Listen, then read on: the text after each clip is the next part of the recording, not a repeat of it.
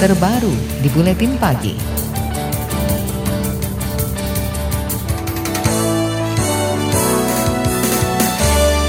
Koalisi Masyarakat Sipil menyebut dugaan pelanggaran HAM terkait bentrokan saat aksi 21-22 Mei lalu. Ketua YLBHI Asfi Nawati mengungkapkan ada belasan temuan awal dari laporan pemantauan bersama terhadap aksi menolak hasil pemilu itu. Pelanggaran HAM ditenggarai terjadi pada jurnalis, tim medis, penduduk setempat, dan peserta aksi. Tentu saja kami akan meneruskan laporan ini ke lembaga-lembaga eh, pengawas atau pemantau seperti eh, Ombudsman, eh, Komisi Perlindungan Anak, Komnas Perempuan, dan yang kedua kami membuka apabila ada korban-korban yang ingin mengadukan persoalannya bisa ke LBH Jakarta dan juga kepada Kontras.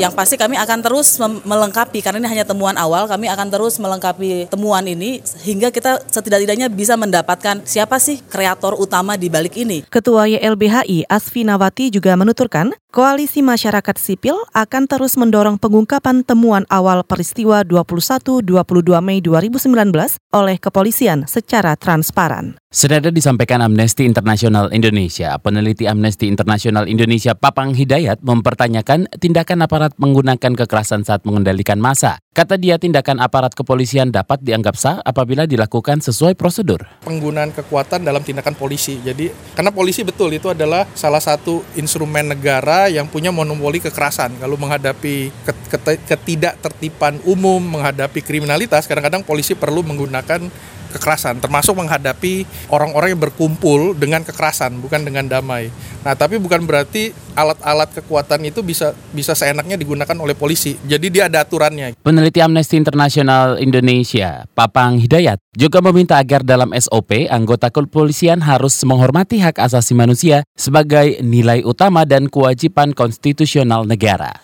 Prosedur penanganan massa dari kepolisian tersebut diragukan keluarga Farhan, korban meninggal ketika aksi menolak hasil pemilu 22 Mei lalu. Keluarga yakin Farhan meninggal akibat peluru tajam, bukan akibat peluru karet atau petasan. Ayah korban, Syafri Alam Syah menyebut pada jenazah anaknya terdapat lubang dengan diameter berukuran kecil. Keluarga juga menolak otopsi karena tidak ada lembaga yang akan menjamin korban. Kejadian itu kan boleh dibilang ada peluru tajam di situ.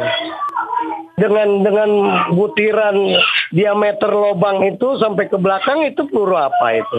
Tembus ke belakang.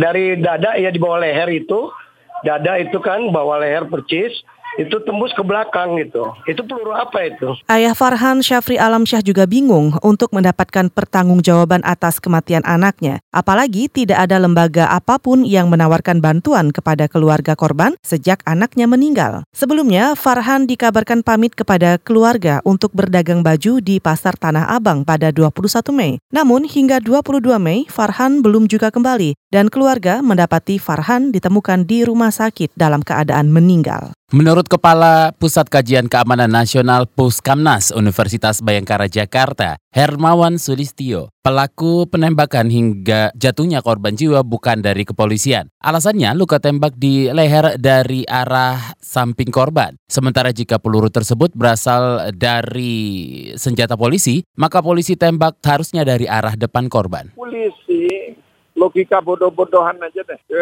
ditembak 8 orang mati Kan jadi tambah perkara polisi, tambah pusing. Kan nyari perkara dengan nimbaki masyarakat itu uh, kan pasti bergulirnya masalah HAM lah, masalah apa segala macam gitu. Jadi ya, kalau saya nggak percaya itu polisi, polisi goblok mana yang mau nembak-nembak terus nanti bikin masalah dia diperiksa, dia di ini segala macam. Kepala Puskamnas UBJ Hermawan menyebut proyektil peluru yang menyerang korban jenisnya berbeda-beda. Sementara ketika peluru berasal dari petugas, maka jenisnya akan sama.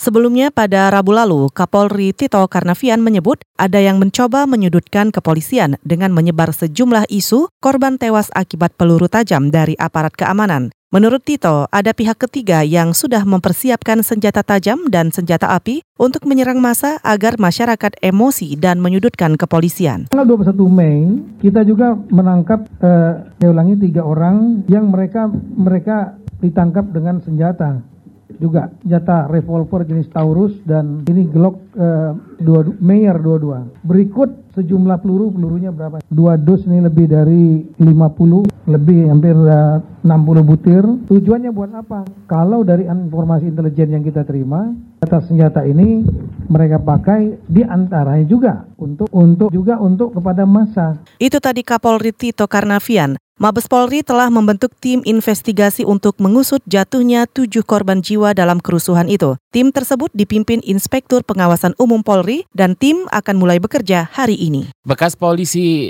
dengan orientasi seksual minoritas mengajukan banding ke Pengadilan Tinggi Tata Usaha Negara. Informasinya akan hadir usai jeda. Tetaplah bersama kami di Buletin Pagi KBR.